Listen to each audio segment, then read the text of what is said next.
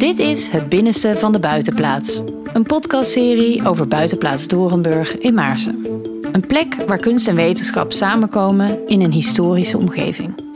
We vertellen het rijke verhaal van Dorenburg vanuit verschillende perspectieven. Over het verleden en de toekomst, de gebouwen en het park. Ook ontmoeten we de kunstenaars en wetenschappers die de buitenplaats transformeren tot een plek vol verrassingen. In deze aflevering zoomen we in op de architectuur van de priorij van Dorenburg, het voormalige klooster. Wat is het verhaal achter dat immense gebouw? En hoe blijft het behouden voor de toekomst? Luister mee en ontdek samen met ons het binnenste van de buitenplaats.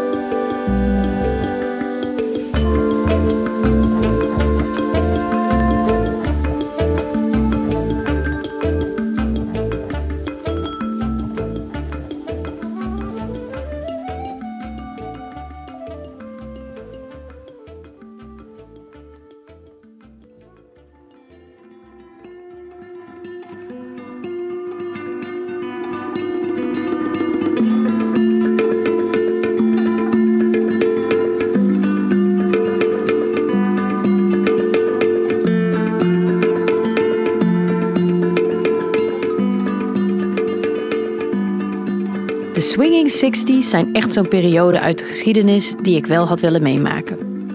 Stel je voor dat je even in het jaar 1966 zou kunnen rondwandelen.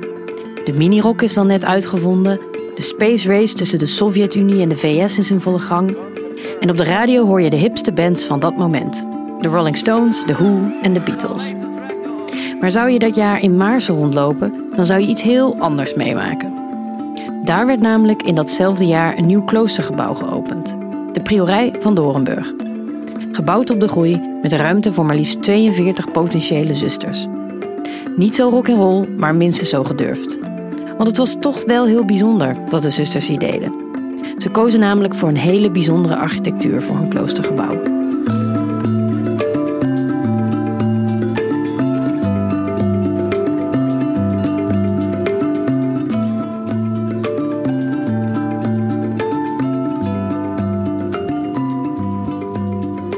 Misschien kun je het je nog herinneren. In de eerste aflevering van deze serie spraken we met Maya Meijer-Bergmans, de eigenares van Buitenplaats Dorenburg. Zij sprak toen al even over de uitstraling van de priorij. Want die spreekt niet iedereen aan, zo merkte ze op. Het is wel bijzonder en strak, maar het is niet gezellig. Nee. Als je niet wist hoe belangrijk die architectuur was, dan zou je zeggen: joh, zet er een paar leuke schemerlampen neer. Weet je, of laten we nog eens een. Uh, ja, een paar leuke dingen aan de muur hangen. Of om het te, maar goed, dat, dat hoort er gewoon helemaal niet bij.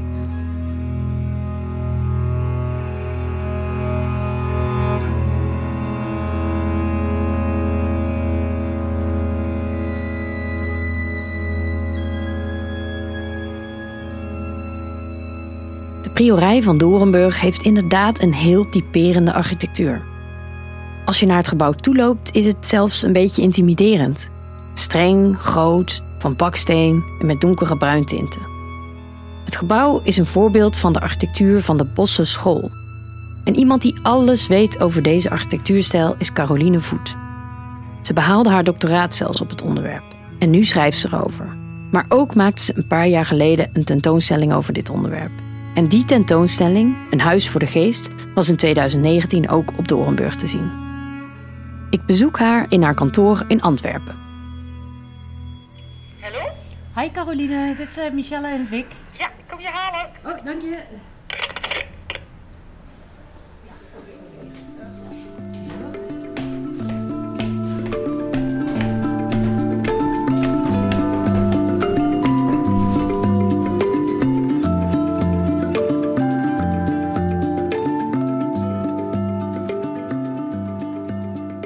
Ik ben Caroline Voet. Ik ben professor uh, aan de faculteit architectuur van de KU Leuven. Vooral eigenlijk architect, uh, ontwerper, maar ook onderzoeker.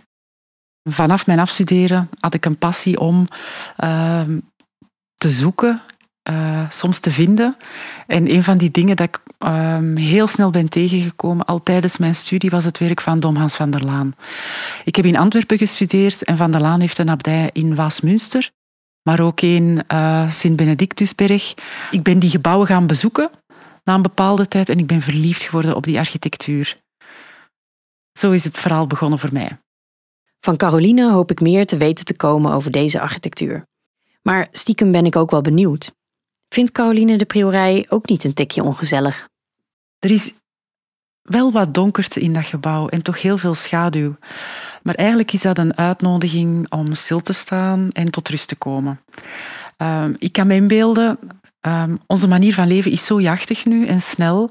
En wij willen altijd heel veel licht hebben. Alles moet duidelijk zijn en klaar en helder. Uh, als je zo'n gebouw binnenwandelt als Doornburg, um, eigenlijk is dat in het begin bijna een beetje te donker.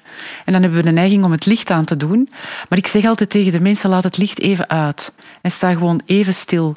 Het duurt een aantal seconden, voor vele mensen is dat al veel te lang, het duurt een aantal seconden je ogen wennen aan die donkerte.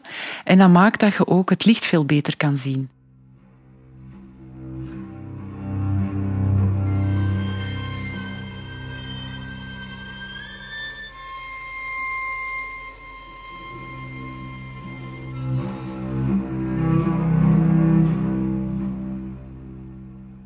Dorenburg wordt wel gezien als een van de mooiste en best bewaarde voorbeelden van de architectuur in de Bosse schoolstijl. Het heeft precies alle kenmerken die je ook in de andere gebouwen van deze stroming terugziet. Het gebruik van baksteen en overal hout dat geschilderd is in donkere tinten. Ook zijn er dikke, massieve muren en meubels die speciaal voor het interieur zijn gemaakt. De architectuur van de Bosse school sluit eigenlijk op een bepaalde manier aan bij klassieke architectuur. Denk aan oude Cisterciënzerkloosters. Denk aan middeleeuwse architectuur. Ze hebben heel dikke muren, metselwerk is voelbaar, maar dan ook wel een paar betonnen latijen, heel veel natuursteen en vooral heel veel ritme. Kolommen, raamrijen, uh, alles in reeksen. Maar dan gebeurt daar toch nog net iets anders in. Want we hebben heel wat asymmetrie. En dat maakt dat die beweging van buiten naar binnen, waar die gebouwen eigenlijk op gemaakt zijn, uh, gebeurt vanuit een soort promenade architecturaal. Wat dat wil zeggen, je stapt niet zomaar van buiten naar binnen, gebeurt heel geleidelijk in verschillende laagjes.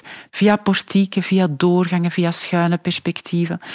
En daar zit een soort asymmetrie in dat in klassieke architectuur eigenlijk niet zit. Hè. En dat is eigenlijk een heel moderne gedachte, zou je bijna kunnen zeggen. Dus het is een architectuur vol beweging. En een architectuur, zeg ik altijd, die opgebouwd is uit bepaalde momenten, maar ook uit bepaalde bewegingen. Moments en movements. Hè. En dat dan ook nog helemaal in een volledig verhoudingssysteem tegenover elkaar geplaatst, om die ritmes eigenlijk zuiver in de maat te krijgen. Achter het ontwerp van de priorij zitten twee architecten. Jan de Jong en zijn leermeester Dom Hans van der Laan. En die laatste is de grondlegger van de Bosse School. Hij was architect en monnik, vandaar die toevoeging Dom aan zijn naam. Maar wat voor iemand was dat? En hoe kwamen de zusters bij dit duo van architecten uit? Thomas van der Laan was een Benedictijner monnik, uh, geboren 1904 in een architectenfamilie in Leiden. Um, die was architect in hart en uh, ziel, om het zo maar eens te kunnen zeggen. Ook ongelooflijk gelovig, katholiek, dat wil zeggen heel diep zoekend in het leven. En hij is uiteindelijk het klooster ingegaan als Benedictijner monnik, zonder een studie helemaal af te maken. Maar die architectuur heeft hem nooit losgelaten. Um, in het begin heeft hij daar wat minder mee uh, gespeeld en, en, en daarmee gewerkt, om het zo maar eens te zeggen. Maar uiteindelijk was hij toch van plan om um, architectuur te zoeken en hopelijk te vinden. Hij zocht naar een systeem om de fundamenten van architectuur vast te leggen. Na de Tweede Wereldoorlog is hij daar rond beginnen lesgeven. Um, kerkbouw was iets dat in het zuiden van de Nederlanden um, heel hard opkwam. En heel wat jonge architecten die moesten leren hoe dat ze kerken en kloosters zouden bouwen. En een van zijn studenten van het eerste uur in Sertogenbos, in de cursus daar, vandaar de Bosse schoolarchitecten. Een van zijn eerste studenten was Jan de Jong. En Jan de Jong had net zijn huis gebouwd in Schaijk. Uh, jonge vrouw, uh, al wat kindjes op komst, die leerden het werk van Thomas van der Laan kennen en zijn filosofie. Filosofie van het plastisch getal, zo'n verhoudingssysteem. En hoe dat, dat eigenlijk heel de fundamenten van architectuur op zijn grondvesten zette. En die heeft zich volledig bekeerd tot die architectuurstijl en dat onderzoek. En terwijl dat Van der Laan nog niet echt bouwde, begon Jan de Jong al wel een aantal dingen te ontwikkelen. Een aantal kerken, onder andere in Odiliapeel, in Gemert. Jan de Jong is in 1956 afgestudeerd van die Bosse school. Hij kreeg dan ook een diploma, echt een charter, uh, met een kerkontwerp. Maar ook net op dat moment wordt Thomas van der Laan door de zusters van Doornburg gevraagd om een klooster te bouwen. En Van der Laan begint daar wel wat aan, maar heeft eigenlijk niet genoeg tijd. Hij was heel druk bezig ook met Benedictijner monnik te zijn. En die dacht aan zijn beste student, Jan de Jong, die best wel wat werk kon gebruiken. En in eerste instantie zijn ze beginnen samenwerken om de wensen van de zusters op papier te zetten. Maar uiteindelijk is het vooral Jan de Jong die het heeft overgenomen en heel het verdere ontwikkelingsproces heeft eh, begeleid tot de uiteindelijke realisatie.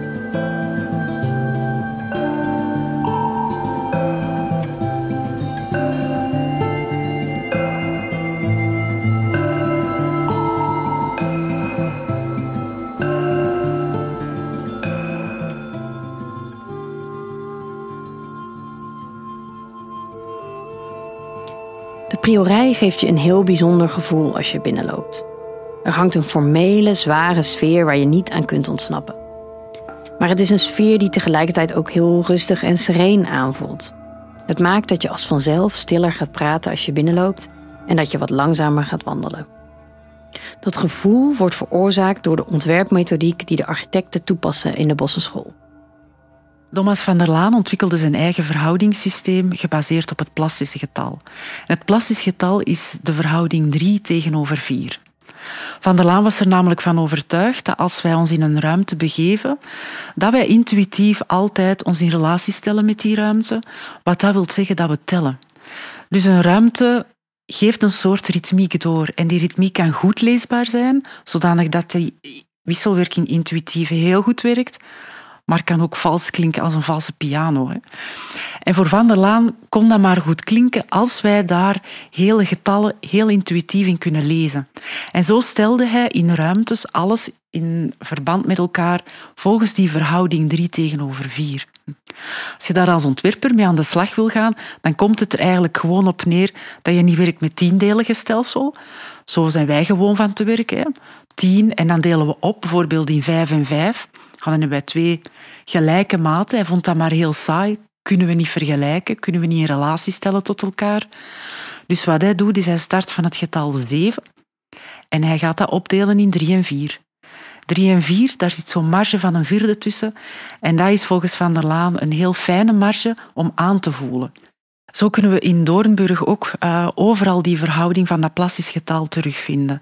Je meet heel wat 3 tegenover 4.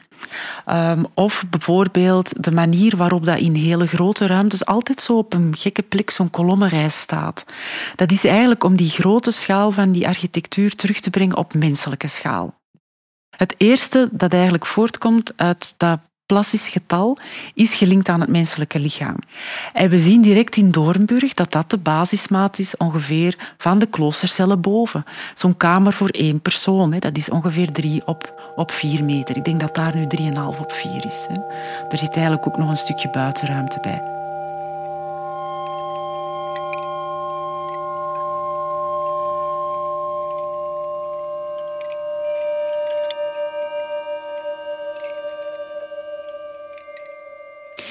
Ergens is het een mooi idee. Terwijl de wereld in de 60s volop in beweging was, zorgde zo'n stukje bosse schoolarchitectuur voor orde in de chaos. Met muren, meubels, kamers en een binnentuin die allemaal volgens dezelfde verhoudingen waren opgebouwd. En Dorenburg voelt daardoor als een soort rustpunt in een drukke wereld ja, die architectuur heeft echt wel een effect um, als, je, als je binnenkomt. Die spreekt eigenlijk. Um, dat is vanaf het begin de bedoeling geweest. En dat was ook iets dat de zusters in Doornburg zochten.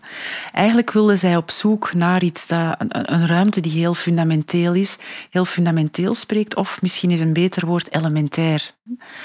Um, je zou kunnen zeggen dat ze vrij ascetisch is, hè, vrij minimaal, maar dat wilde zij ook, om juist uh, vrijheid te geven aan de geest. Dat sluit heel nauw aan bij het leven van de zusters. Hè. Um, je zou kunnen zeggen van, die architectuur is misschien wat uh, beklemmend en wat dominant aanwezig. Zo'n kloosterleven is ook niks voor mij, zo ritmisch en altijd datzelfde kleed moeten aandoen. Maar ehm, zij zien dat anders. Zij zien dat eerder als een vrijheid. Hè. Namelijk, sluit aan bijvoorbeeld bij de manier waarop dat ze hun dag indelen. Het zijn altijd vaste gebedstijden. Een vijf, soms zes, soms zeven per dag. Op vaste momenten. En daartussen heb je vaste momenten dat je... Zij gaven ook les. Hè, dat je les geeft, dat je zelfstudie doet, dat je in de tuin werkt, in de bibliotheek bent en dat je slaapt. Elke dag hetzelfde. En dat is heel ritmisch, want zaterdag en zondag is het dan net iets anders. En het wisselt ook met de seizoenen en eigenlijk uh, met de religieuze kalender. Hè. Het is een heel ritmisch leven. En die architectuur die ondersteunt dat helemaal. Ze doen ook elke dag hetzelfde aan. En het feit dat er die repetitie is en ook die rust, maakt dat je geest vrij is om heel um, gericht met één ding bezig te zijn. En ik moet zeggen, ik heb dat zelf ook ervaren. Ik heb een proefschrift geschreven over Domhans van der Laan. En ik mocht in een abdij uh, van Domhans van der Laan zelf logeren zoveel ik wou. Ik had daar mijn eigen kloostercel. En dat was ongelooflijk als ik daar binnenkwam. Ik kon onmiddellijk beginnen schrijven en dat was ongelooflijk productief. Omdat je eigenlijk echt die buitenwereld volledig kunt loslaten hè, door dat ritme. En die architectuur helpt daar ongelooflijk bij. Er zijn een aantal kloosters gebouwd volgens die principes van de Bosse School. Maar ik denk dat Doornburg toch een heel speciale plek inneemt binnen uh, heel dat uivre. Het is eigenlijk de eerste. Het is de eerste die gebouwd was en het is een soort embryo waarin heel wat ideeën ontstaan zijn van die Bossenschool zelf. Um, daarnaast denk ik dat het ook um, universeel eigenlijk een belangrijke betekenis kan hebben naar de toekomst toe omdat ik vind dat er nood is aan het zoeken naar andere manieren van samenwonen en van samenleven. We gaan echt niet meer allemaal in onze gigantische villa kruipen of in een superkleine sociale woning. Ik denk dat um, andere manieren van samenwonen, co-housing en coöperatieven, um, dat dat de toekomst is. Ook het feit dat uh, werken veel dichter kan bij de plek waar je leeft en dat daar een soort wisselwerking is en een vervlechting van verschillende soorten ruimtes. Ja, ik denk zo'n kloostermodel, dat is een mooie vorm voor de toekomst, om op zijn minst verder te onderzoeken. En Doornburg is daar fantastisch voor natuurlijk. Intussen zijn we alweer 60 jaar verder sinds de bouw van de priorij. Die 42 kamers zijn nooit allemaal bezet geweest. Tja, intreden in het klooster werd steeds minder populair. Uiteindelijk woonden er in 2017 nog maar vijf zusters in het grote gebouw.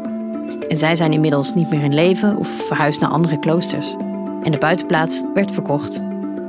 Maar de oorspronkelijke sfeer hangt gelukkig nog steeds in de gangen van Dorenburg, ondanks dat het gebouw nu een nieuwe functie heeft. Dat komt omdat zoveel mogelijk van het oorspronkelijke ontwerp is behouden. Het is daardoor eigenlijk een soort tijdscapsule, waarin je je even als een zuster in de jaren 60 voelt.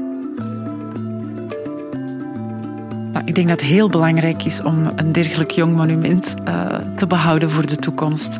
Eigenlijk is dat een gebouw dat geen absolute functionele functie heeft.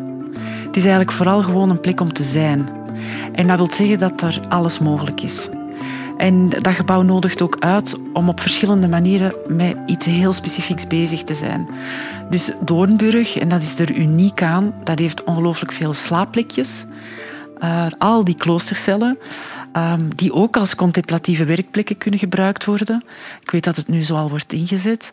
Ja, dat is gewoon fantastisch.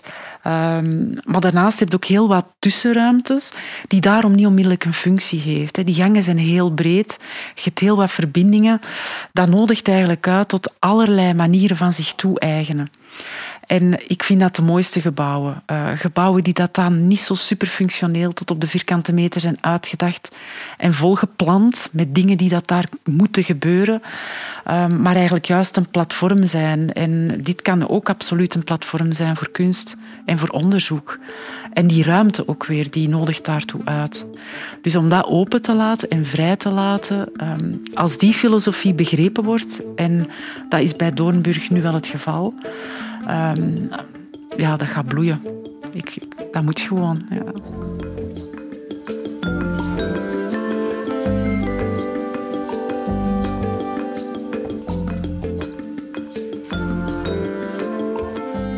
Dit was aflevering 3 van Het Binnenste van de Buitenplaats. Een podcastserie over Buitenplaats Dorenburg in Maarsen. Mijn naam is Michelle Gulix, redacteur en verteller. Vic Willems verzorgt de audioproductie. De soundtrack is gemaakt door muzikanten Felbum en Stef Veldhuis, die deze stukken schreven tijdens een residentie in de Priorij. Deze podcastserie wordt mede mogelijk gemaakt door Stimuleringsfonds Creatieve Industrie, Stichting Karel Ningeman Fonds, Provincie Utrecht en Cultuurfonds Stichtse Vecht. Mocht je in de tussentijd de buitenplaats willen bezoeken, ga dan naar www.buitenplaatsdorenburg.nl voor meer informatie. Bedankt voor het luisteren en tot de volgende keer.